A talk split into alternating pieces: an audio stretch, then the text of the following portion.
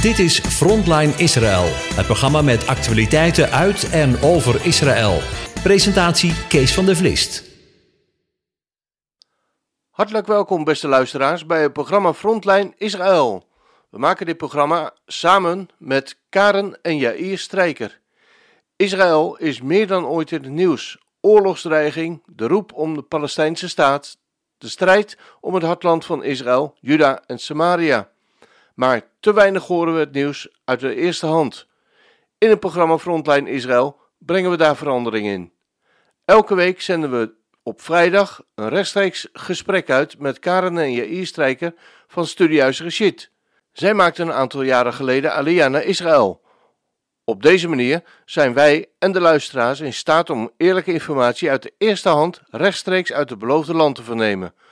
De vorm van het programma is informeel, alsof we bij elkaar aan de keukentafel zitten en de dingen van de dag doornemen.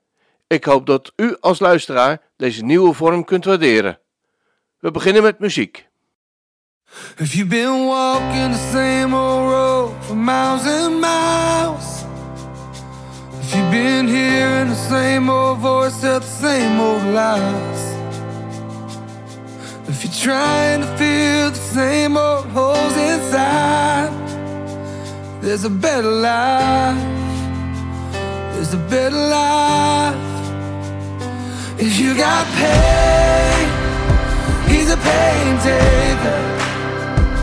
If you feel lost, he's a way maker. If you need freedom, savior, he's a prison shaking savior. If you got chains, he's a chain breaker. We've all searched for the light of day in the dead of night. We've all found ourselves worn out from the same old fight. And we've all run to things we know just ain't right. There's a better life. There's a better life. If you got pain, he's a pain taker. If you feel lost, he's a way maker. If you need freedom, savior, he's a prison shaking savior. If you got chains, oh, he's a chain breaker.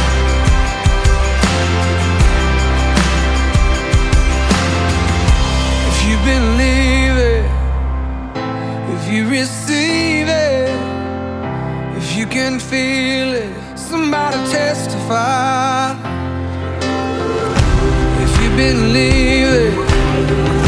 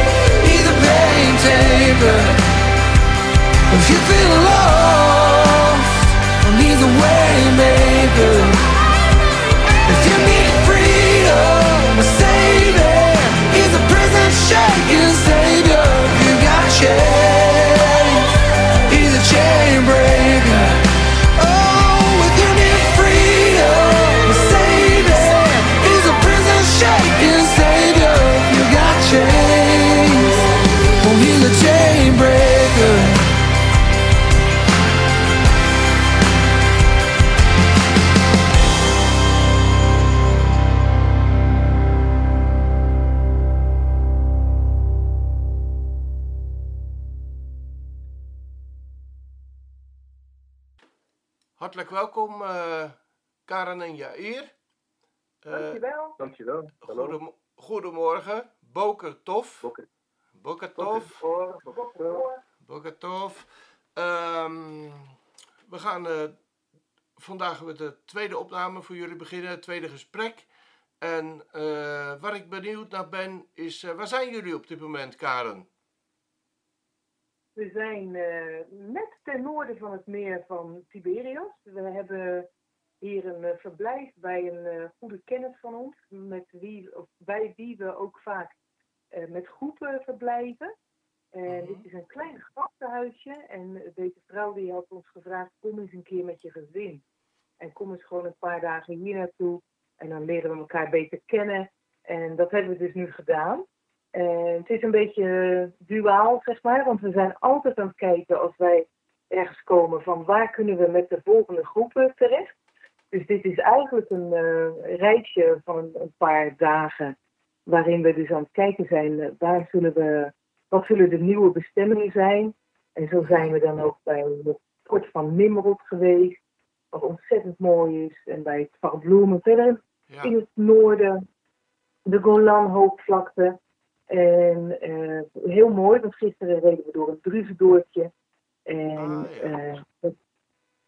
Dat, is, eh, dat is erg leuk, want als je daar doorheen rijdt, dan zie je alle bloembakken in alle ramen staan. Het is heel leuk, want het is eigenlijk een volk eh, wat is mee eh, ingenomen in de oorlog van 67. Mhm. Dat was dus eerst Syrisch gebied.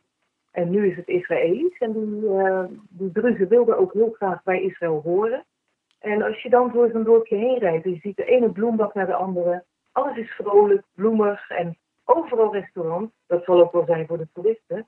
Ze Ja. zullen het niet zo makkelijk hebben. Maar je krijgt de gewaarwording van gezelligheid en gemoedelijkheid. En ik vond het ontzettend leuk. Ja. Ik had het eigenlijk nog niet eerder gedaan, nog niet eerder gezien. Ja. Ja. Ja, Ik ben er wel eens eh, geweest en toen heb ik een, eh, een verhaal gehoord hoe die druzen daar eigenlijk terechtgekomen zijn. Ehm, kun jij daar iets over vertellen? Of, eh, nou, de, de, de achtergrond van de Druzen is wel interessant eigenlijk.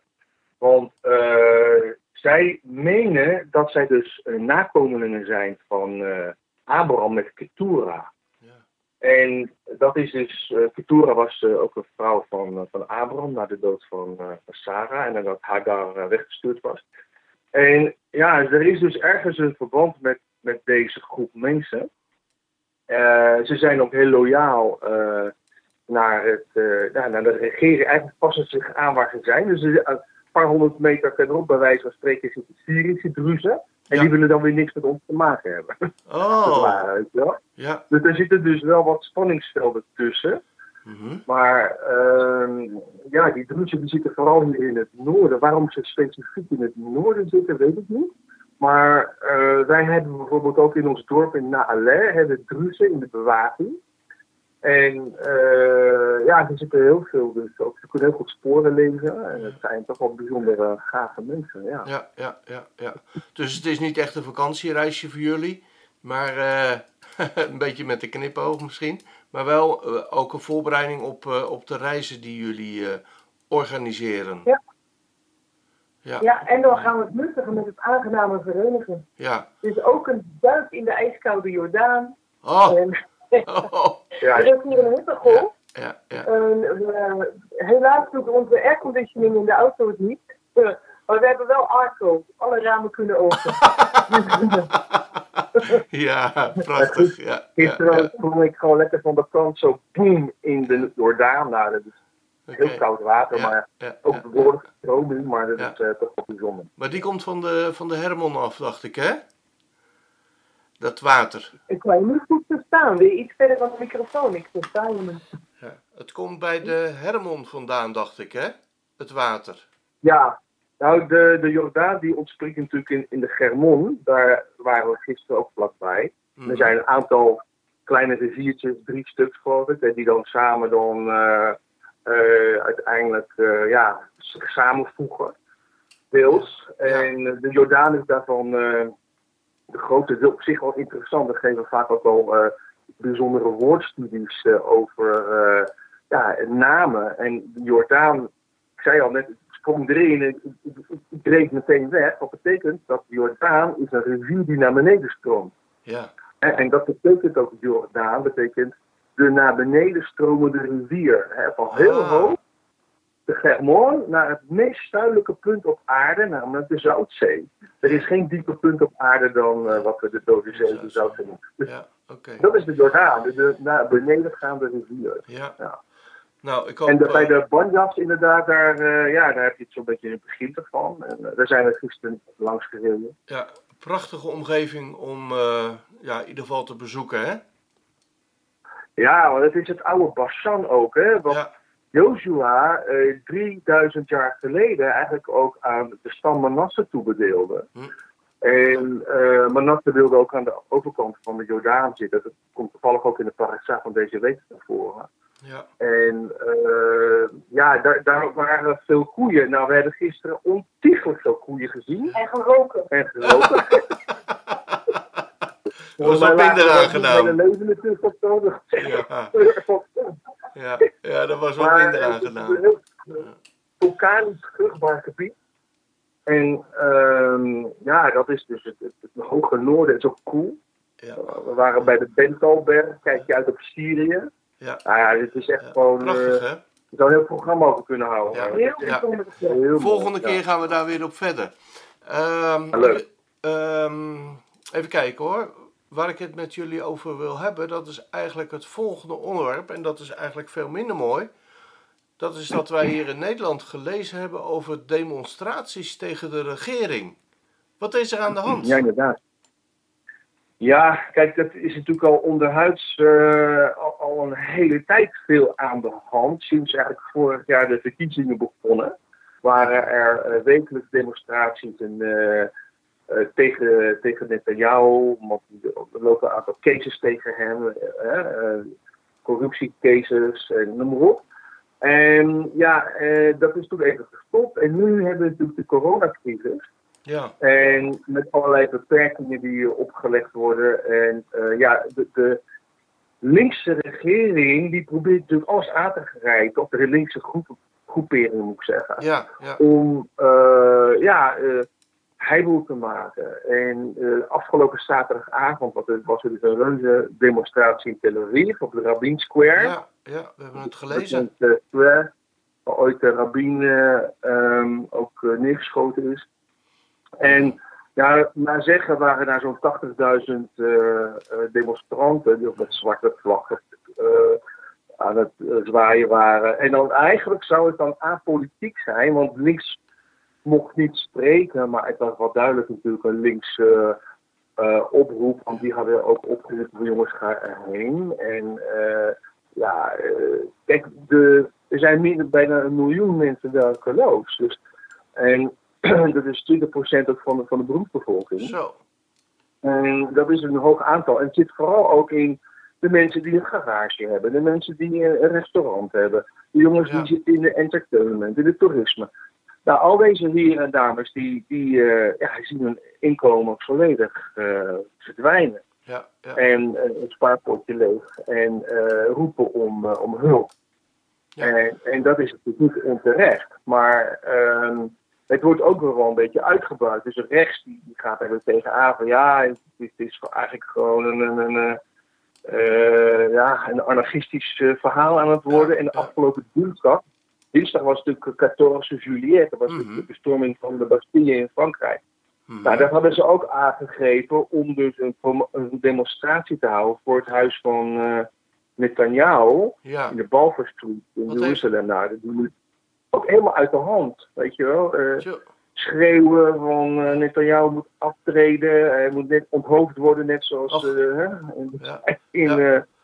Frankrijk de revolutie. Ja, echt echt een vreselijke situatie Ja. eigenlijk. Wij Echt lazen hier in Nederland eh, dat wanneer er op dit moment verkiezingen in Israël eh, zouden zijn, eh Netanyahu zeker niet ja, de verkiezingen zou winnen.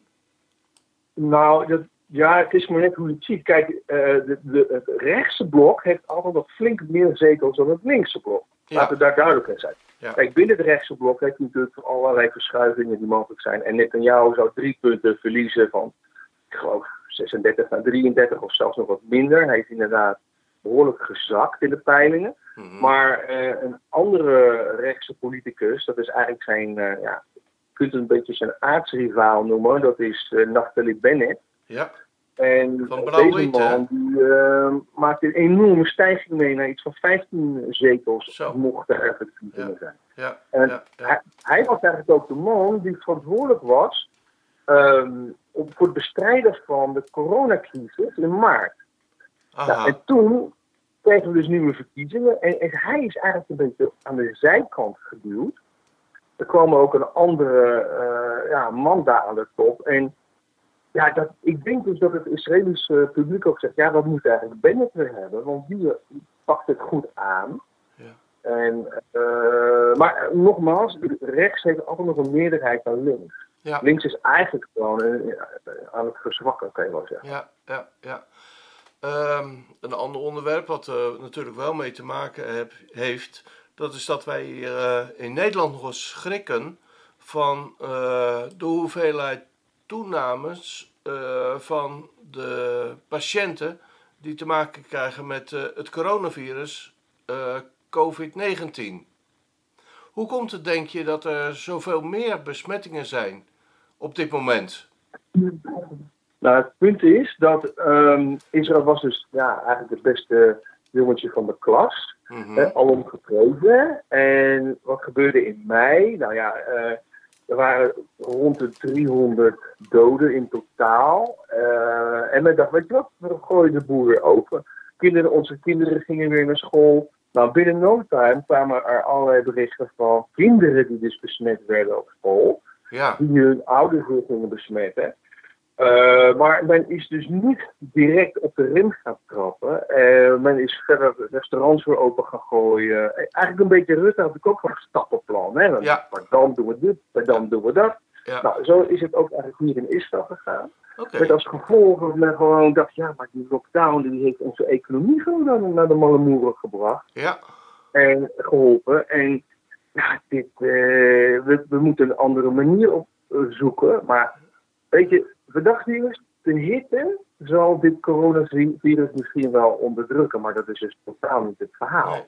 Zou het ook kunnen zijn dat mogelijk de airconditioning die in alle ruimtes van Israël zo ongeveer wel hangt, dat dat een besmettingsgrond of een besmettingssituatie zou kunnen zijn, waardoor zoveel mensen weer met COVID rondlopen? Nou, ehm, ze hebben hier ook al een lijstje gepresenteerd wat zeg maar de, de besmettingshaarden eh, kunnen zijn of zijn. Mhm. En er staat eigenlijk bovenaan staat daar eh, trouwerij. En dus plekken waar dus eh, grote hallen waar mensen samenkomen om het trouwerij te vieren. En dat is vooral ook bij de Garidien, dus bij de orthodoxen. Eh restaurant staat ook in dat rijtje, maar ehm, ja, ook, ook zwembaden, eh, allerlei verschillende soorten eh, bussen bijvoorbeeld ook, hè, waar de airco niet goed werkt.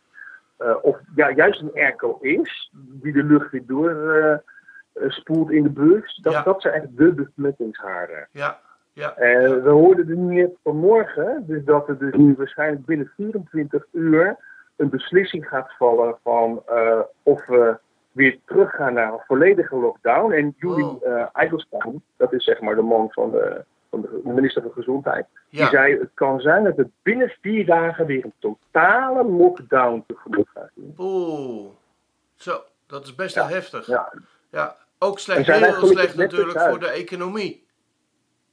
ja. Ja, het is, eh, je, ziet soms niet meer van waar, waar eindigt dit. Eh, en Israëli's zijn echt wanhopig. En ik begrijp ook wel dat mensen eh, ja, eh, van alles eh, willen veranderen. Maar kijk, Netanyahu heeft gisteren ook, ook een, een noodfondspakket aangekondigd. Dat Mhm. iedere Israëli boven de 18 jaar, die zou rond de 2000 shekel, iets meer dan 400 euro, krijgen als een soort zakgeld. Ja, Eh, en de gezinnen krijgen dan 500 shekel meer, iets 125 shekel meer. Het moet nog wel goedgekeurd worden door de coalitiepartij van, van uh, Blue, uh, van, van Gans. ja, nou ja, dat is het praatje over, over anderhalf miljard euro ongeveer. Uh, een, een enorm bedrag. Waar ook weer enorm, ja, hè, ze willen wat geven, maar meteen weer kritiek. Ja, dat is geld voor de rijken, want niet iedere Israëli heeft dat geld nodig. Je kan beter met een helikopter boven een arme wijk uh, gaan vliegen en daar geld naar beneden ja, gooien. ja. Op het moment dat ze dat gaan doen, moet je mij even waarschuwen. Ja, maar Hoe, hoe hou je dan twee meter uit elkaar als je met z'n Ja. allen gaat krabbelen? Dat gaat- hem niet worden, hè? Het wordt een soort Ja, ballenbak. We moeten hier twee meter uit elkaar houden. Bij jullie Ja. is het anderhalve Ja, meter. ja, En we snappen soms niet, hoe gaat het nou in Nederland, weet je wel? Want hier, Ja. Het is echt, gisteren waren er 1758 besmettingen. ja, enorm. Eh, dat is een enorm aantal. En er worden er wel ongeveer rond de 30.000 eh, testen afgenomen. En eh, ze hebben een- nu een systeem ontwikkeld dat je binnen een kwartier kan weten of je COVID-19 hebt, ja of nee. Dus dat Aha. is heel We onderbreken weer even en gaan luisteren naar muziek.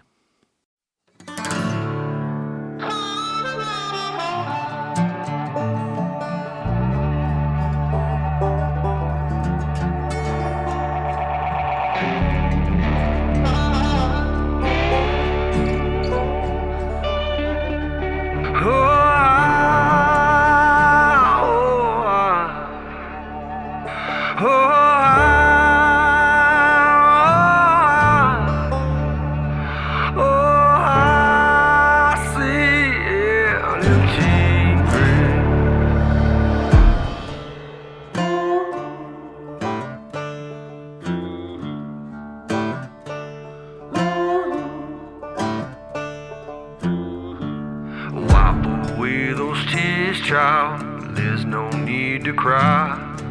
Stand up on your feet now. Lift your head up high. Don't wait till tomorrow to lay down your sorrow. Freedom is here today.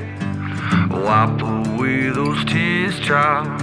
And put down your shame. Oh, I see an empty grave. I hear the heavens waking,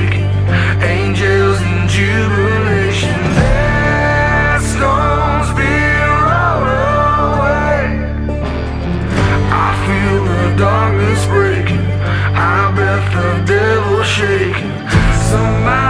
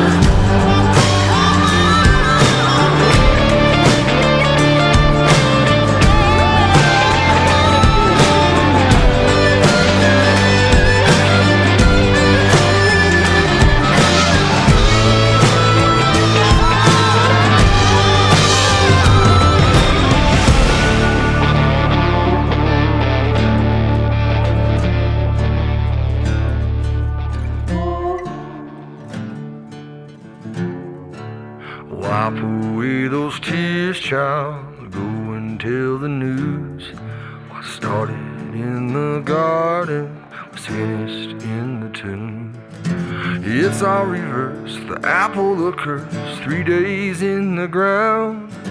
Christ our Lord is risen. Death couldn't hold him down.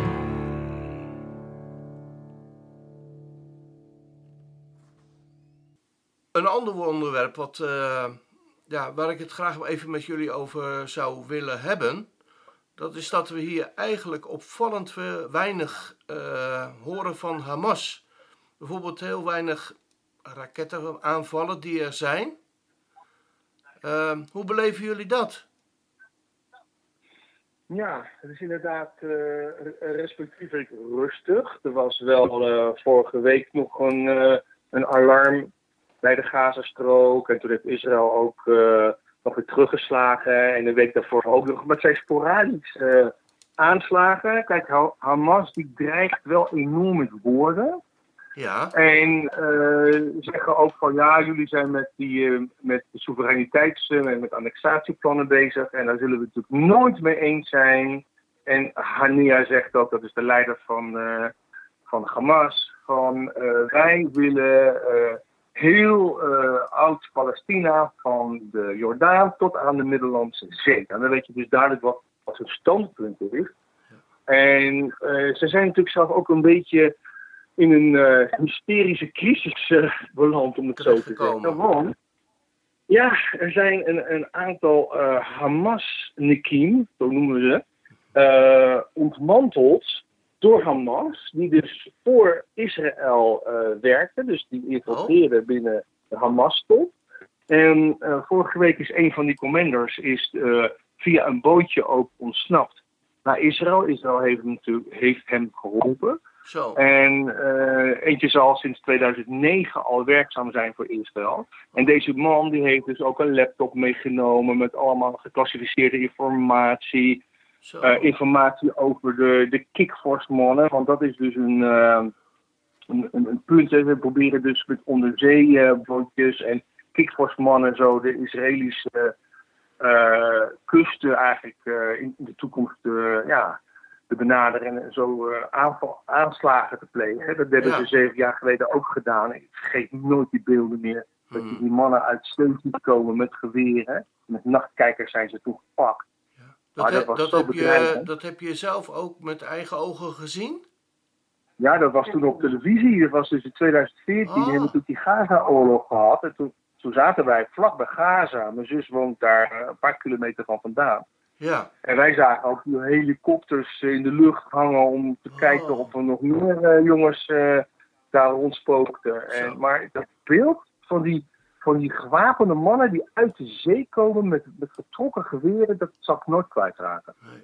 Nee. Maar goed, dus in ieder geval ehm, zijn er dus nu, eh, zijn ze nogal in, ja, geschrokken bij Hamas. En ook enorm veel geld is meegesmokkeld. En eh, ja, ze, zijn, ze hebben nu naar, naar ze zeggen nog weer een Hamas-man eh, opgepakt. Nou, ik denk dat die jongen gewoon eh, het niet mooi heeft. Want ze Nee. zullen hem wel aan alle kanten ja, martelen. Ja. Ja. Maar ze blijven gewoon wel dreigen met ons te vernietigen. En we zijn de occupiers. En ze be- beschuldigen ook Israël van dat ze dus een dicht willen houden tussen Fatah van Abbas, Mahmoud Abbas, van de, hè, die op de, zeg maar de Palestijnse autoriteit beheert, mhm. en Hamas. Maar goed, ze, ze kunnen zelf ook niet met elkaar eh, door één deur. Nee, nee, nee. Zou het ook nog iets mogelijk te maken kunnen hebben dat ook eh, ja, binnen de Gazastrook en, en dat daar eh, corona in meespeelt, dat ze zich op dit moment relatief rustig houden? Er komt eh, weinig geluiden uit over besmettingen. Ja, Ehm, het is opvallend eh, weinig wat je daarvan hoort. Ook uit de gebieden van de Palestijnse gebieden zijn minimale besmettingen gemeld. Ik geloof dat ze iets van 38 eh, doden hebben gemeld. En een paar honderd besmettingen. Er zijn wel wat demonstraties afgelast. Afgelopen dinsdag zou er bij Jericho een grote eh, demonstratie zijn, die is afgelast. Eh, een paar weken geleden was er eentje bij Ramallah en die was nogal uit de hand gelopen. mhm. En, dus ja, eh, ook daar zijn besmettingen en, en ook lockdowntjes. Maar of Gaza wat zich wat stiller houdt, ik denk dat ze gewoon even aanzien wat betreft eh, het wel of niet eh, soeverein maken van eh, delen van eh Shomron, Judea en de, West- en de Jordaanvallei. ja, ja. En dat ze tot die tijd gewoon eh, geen actie ondernemen. Oké. Ja, waar ik eigenlijk een beetje beducht voor ben, en dat hebben ze ook al aangekondigd, is dat wanneer het straks echt heel heet weer wordt in Israël en wanneer het gaat waaien, dat ze dan weer beginnen met uh, brandstichting bij de doorgang. Ja, ze hebben ook gezegd dat ze dat gaan doen. En eh, ze noemen dat ecoterrorisme. En ze zeggen Ah. tegen Israël, kijk maar eens even wat wij met de natuur kunnen doen om Ah. jullie te verdelgen. En het is een heel, heel groot eh, gevaar. Omdat ze het overal doen. En ja, op een gegeven moment is je brandweercapaciteit is op. Ja, En dan, dan brandt het gewoon. ja. En er zijn veel dorpen en steden die liggen op een heuvel. Mhm. Zoals een paar jaar geleden Haifa enorm is aangepakt. Omdat het ook eh, gedeeltelijk hoog ligt. En dan hebben ze gewoon de, de heuvel daaronder aangestoken. Waardoor eh, een, een heel groot deel van Haifa in gevaar is gekomen. En dat is wel eh, iets waar we denk ik met elkaar voor moeten bidden. Om dat gewoon af te wenden, dat gevaar. Ja, ja, snap ik. Nou, laten we dan misschien nu eventjes genieten van de relatieve rust die er eh, op dit moment is. Ehm, het laatste waar ik jullie eh, naar zou willen vragen is eh, de Torah-lezing voor de komende week. Ja, het is, eh, deze week is het Parasha Matot, stammen. En ook Mastar, tochten of reizen. Mhm. En dan lezen we vanaf nummer 30 vers 1 tot aan het einde van nummer 3. We sluiten nummer 8 deze week. Ah, En dan uit de Haftarah lezen we Jeremia. Dat heeft er ook echt mee te maken met de waarschuwingen die God geeft. Eh, we lezen Handelingen, de roeping van Paulus. En we lezen ook Jacobus, die de gemeente er flink van langs geeft. En wat ik mooi vind, opvallend vind, is dat je zowel de roeping leest nu van Jeremia als mede als van Paulus. En ehm, ja, die zijn allerlei, allebei op een bepaalde manier geroepen. De een was te jong, Jeremia vond zich te jong en Paulus was zelfs een tegenstander ja, van de navolgers van Joshua. Dus waren ze geschikt? Ze vonden beide van niet, denk ik. Maar God dacht er dus anders over. Ja. zien we heel En vaak, dan. eh, wat zeg je? Dat zien we heel vaak. Ja, dat klopt. Ja, nou ja, ik denk ook wel eens aan het ambi- ambitieuze dat we zelf wel kunnen hebben. Van wil ze ook graag een bediening of wil ze ook graag dit of dat. En dan zie je eigenlijk dat degenen die gevraagd worden, dat die daar of niet mee bezig zijn of iets heel anders aan het doen zijn. Wat het toch weer een, eh, een ander eh, perspectief geeft. En dat vind ik juist zo mooi. Dat God de mensen gebruikt waarvan je zou zeggen, ja, wat moet je ermee? Zelfs eh, over Jeremia, dat is een verre nazaat van een, een vrouw van lichte zeden. En dat zit er wel een, een Hmm. paar honderd jaar terug hoor. Maar toch, die nazaat, God is wel de God van het gedenken. En eh, juist dat God zo iemand uitzoekt. Eh, ik spring even door de parasha en de haftarah heen. Eh, de parasha begint eigenlijk met de bescherming van een vrouw wat betreft het maken van een belofte. Haar vader, of als zij getrouwd is, haar man, kan een door haar gedane belofte weer niet doen. Aha. En dan krijgen we de opdracht van God aan Mosje om de Midianieten te verslaan. Maar dan denk je van wacht even, daar zou je overheen kunnen lezen. Dat zou je kunnen lezen zoals het is. Maar dan moet je dus nadenken eh, hoe dat dan was. En als je dan bekijkt en je leest dat en je ziet dat het wordt uitgevoerd. Hè, de Midianieten worden geslagen. Ja, En als je dan ziet dat alleen de kleine Midianitische meisjes mogen in leven blijven. Ja, Wat een treurige dag voor deze kinderen. Want de jongens mogen niet in leven blijven. Hun ouders niet. En alle eh, vrouwen die bij een man zouden kunnen liggen. Dus, dus oud genoeg zijn daarvoor. ja, Eh, en dat is dan ook de reden waarom ze ter dood worden gebracht. Omdat ze dat weten. Ze lijden eh, de Israëlieten. En dat mocht absoluut niet gebeuren. Maar die kleine meisjes zijn de enigen die blijven leven. Ook de kleine jongens zijn overleden. Maar wat erg. Wat een droeve dag in feite. Want het zijn wel allemaal mensen. Hè? ja. En ehm de meisjes zijn allemaal weesjes, als het ware. Maar ik denk ook aan, aan Mosje zelf, die zelf een Midianitische Ja. schoonvader, een Midianitische vrouw en twee Midianitische zonen heeft. Ja, Hoe is dat dan? Hoe moet dat voor hem ook zijn? Het gaat soms wel dwars door je heen, de opdrachten van God. En eh, het was ook gedeeltelijk zijn familie. En natuurlijk, dat is hè, over Tipora hoorden we al niet meer. Waarschijnlijk is hij dan al overleden. Ook eh Jethro komt niet meer in beeld. Die is waarschijnlijk ook overleden. Mozes is echt ook al op leeftijd. Hij is ook al bijna aan zijn eigen overlijden toe. Hij is tegen de 120. Mhm. Ehm, maar het is toch heel wat. Hij is door de Midianitische priester ooit opgevangen. Ja. En eh, ik weet zo, hoe het ook zij, dat deze dag ook voor Mosje niet zal zijn meegevallen. Maar goed, het moest wel gebeuren, want het volk moest eh, rein blijven. En het, waren, het was natuurlijk toch een vreselijk volk. Ehm, wat eh, weg moest als het ware. En niets wordt zomaar gedaan in de Bijbel. God heeft er echt een bedoeling mee en heeft ook echt de straffen die hij ook voor het volk Israël heeft, heeft hij ook voor de andere volken. Als ze niet luisteren, ehm, dan, ja, dan volgt daar gewoon een oordeel op. Ja. Ja, en dan eh, Ruben en Gad. Die willen graag in het overjordaanse blijven, in plaats van mee te trekken in het beloofde land. En dat mogen ze alleen als ze eerst de andere stammen thuis blijven. Als ze meehelpen om het land te veroveren. En daarna het overzicht van het aantal keren dat het volk van plaats tot plaats trok. Dat is in totaal 42 keer. Nou, dat betekent dus dat in die 40 jaar ze ook vaak jaren ergens zijn blijven staan. Ja. En daar denken we niet, uh, niet vaak aan, want het wordt gewoon heel boeiend en vlot verteld in Exodus en uh, verder in de Torah. Uh, maar als je zo kijkt naar 40 jaar, 42 keer verhuizen, dan zien we dat dat ook, ook anders kan zijn. Ja, en dan krijgen we natuurlijk het verdelen van de stammen, van het land aan de stammen.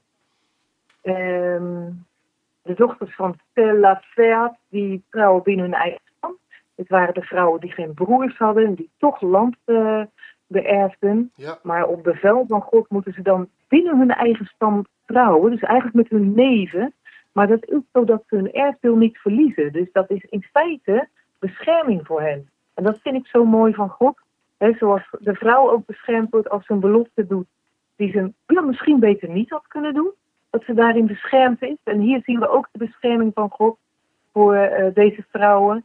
Dat ze niet uh, ja, zonder land komen te zitten. Ik vind het prachtig.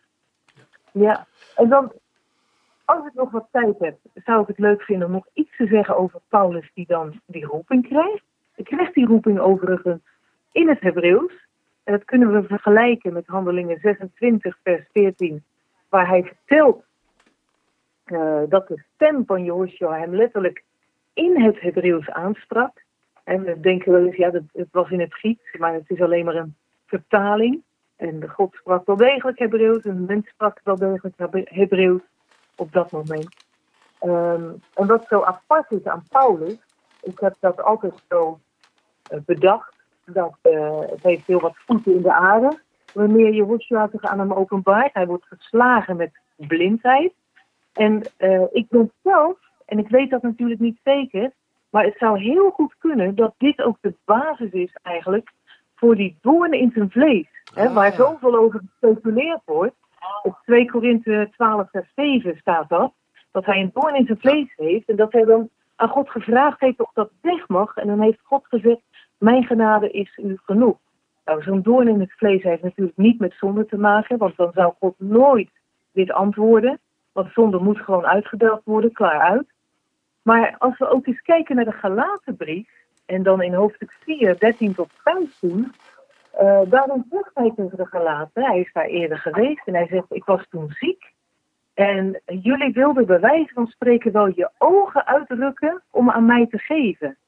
Was er dan iets met zijn ogen? Nou, dat zou heel goed kunnen van wel. Want het kan heel goed zijn dat het licht dat hij bij zijn bekering was, dat dat zo fel was, dat hij waarschijnlijk nooit meer echt heel goed heeft kunnen zien. Ah. Hij zag natuurlijk wel door. En we weten dit natuurlijk niet zeker, maar het is wel opvallend dat het zo geschreven staat. En hij zegt er ook bij dat de uh, Galaten hem toen niet met afschuw of met zelfs verachting bekeken. Er moet dus iets aan hem te zien zijn geweest op dat moment. Waren zijn ogen dan misschien ontstoken en tranend? Dat zou heel goed kunnen. Um, en dan verder ook in de Galaten 3, 6, 6, 11 schrijft hij, zie hoe ik zelf met grote letters tot u schrijf. Ja. En normaal dicteerde hij zijn brieven, dat weten we. Dan kon hij de kleine letters misschien zelfs niet meer zien. Zou dat kunnen? Dus dat, dat intrigeert mij altijd. En ik heb zelf het idee van het zou heel goed kunnen dat dat uh, die doorn in zijn vlees is geweest. Dankjewel voor deze toelichting, Karen, uh, op de parasha en de Torah-lezing van uh, deze week. Mochten mensen eventueel meer willen weten over de omstandigheden in Israël of uh, over de parasha, dan kunnen zij zich abonneren op de nieuwsbrief van uh, Karen en Jair, die elke week verschijnt en uh, ingaat op de situaties in Israël, maar ook op uh, de parasha van de week en de Torahlezing van de week. Ze kunnen zich dan toegaan naar www.studiehuisgeschied.nl en daar zich abonneren op de gratis nieuwsbrief. Die krijg je dan elke vrijdag in de bus bij je. Wat je nou natuurlijk ook kan doen is uh, rechtstreeks een e-mail sturen naar info.studiehuisgeschied.nl en dan even aangeven dat je graag de nieuwsbrief zou willen hebben. Dan komt het ook allemaal voor elkaar. Hartelijk dank Karen en Jair voor, uh, voor deze week weer en voor dit gesprek. Interessant om te weten hoe het allemaal in Israël op dit moment wordt beleefd door jullie. En heel hartelijk bedanken ook op de toelichting, op de Torah-lezing en de Barashat. Wij wensen jullie van hier vanuit Nederland een hele fijne dag en een fijne week weer toe. Ja, dank jullie wel dat we dit ook mogen meedelen en meegeven aan jullie. We wensen jullie alle zegen. en we hopen volgende week weer vanuit Naale te mogen spreken over het een en ander wat deze komende week ja, zal geschieden. En we hopen dat we in veiligheid dat mogen doen en dat we niet in een totale lockdown zitten. Maar uh, ja, dus Rat Hashem, hier toch, dat het goed zal zijn. En we wensen jullie allemaal een goede week en Shabbat Shalom. Shabbat Shalom, God zegen, blijf gezond. Shabbat Shalom, dag, tot volgende week. Doei. Doei. We gaan weer luisteren naar muziek.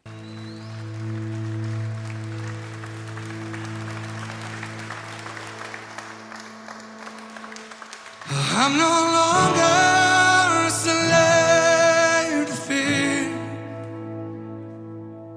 Oh, I am a child of God. Oh, I'm no